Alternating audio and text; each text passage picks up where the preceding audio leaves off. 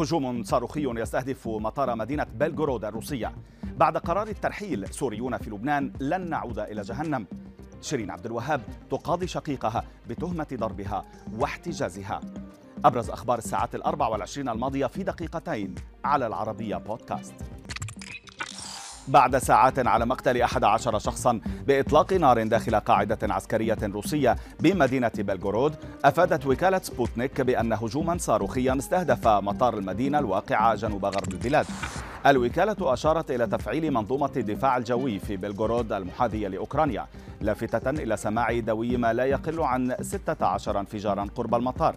فيما أفاد حاكم المدينة بإصابة ثلاثة أشخاص بجروح في القصف الأخير دون أن يذكر المزيد من التفاصيل حول ما حدث.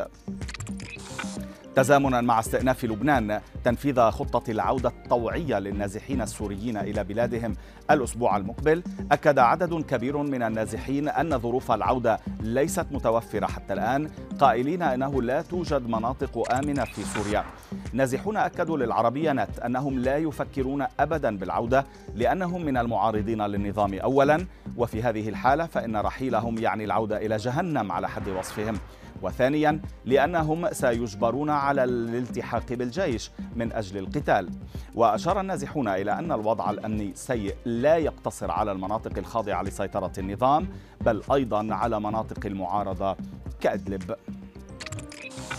بعد تنازلها عن البلاغات المقدمة ضد حسام حبيب اتهمت الفنانة شيرين عبد الوهاب شقيقها محمد بالتعدي عليها وإجبارها على دخول المستشفى واحتجازها بداخله أيضا. وسائل إعلام محلية أفادت بأن النيابة باشرت التحقيق في بلاغ شيرين ضد شقيقها مشيرة إلى أن حالة الفنانة الصحية صعبة للغاية إذ إنها غير قادرة على الحركة بسبب إصابتها بالرباط الصليبي. إثر سقوطها في منزلها فيما لم يتم الاستقرار بعد على سفرها للخارج لإجراء جراحة عاجلة. وكشفت تقارير أخرى أن عددا من المحامين تواجدوا أمام المستشفى الذي احتجزت فيه شيرين بهدف إخراجها. في حادثة غريبة أثارت ضجة واسعة بمواقع التواصل في الجزائر أقدم شاب على إحراق فتاة رفضت الزواج منه ما أثار الرأي العام المحلي لإنقاذ الفتاة.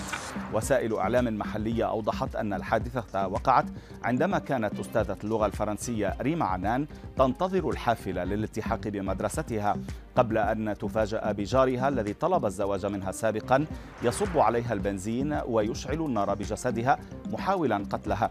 فيما أفادت تقارير بأن حالة ريما صعبة للغاية وسط محاولات عدة لجمع التبرعات لها وإرسالها للعلاج في الخارج. وفي خبرنا الأخير حكم قاض في ساو باولو على شركة أبل بدفع تعويضات قدرها 20 مليون دولار على خلفية بيع نماذج جديدة من هواتف آيفون من دون شواحن. القاضي دان أبل بتهمة القيام بممارسة تعسفية إذ إن الشركة الأمريكية ترغم المستهلكين الذين يشترون هواتف آيفون 12 وآيفون 13 التي لا تباع مع شواحن على شراء منتج لكي يعمل منتج آخر. فيما أتى هذا الحكم إثر شكوى قضائية تقدمت بها الجمعية البرازيلية للمستهلكين.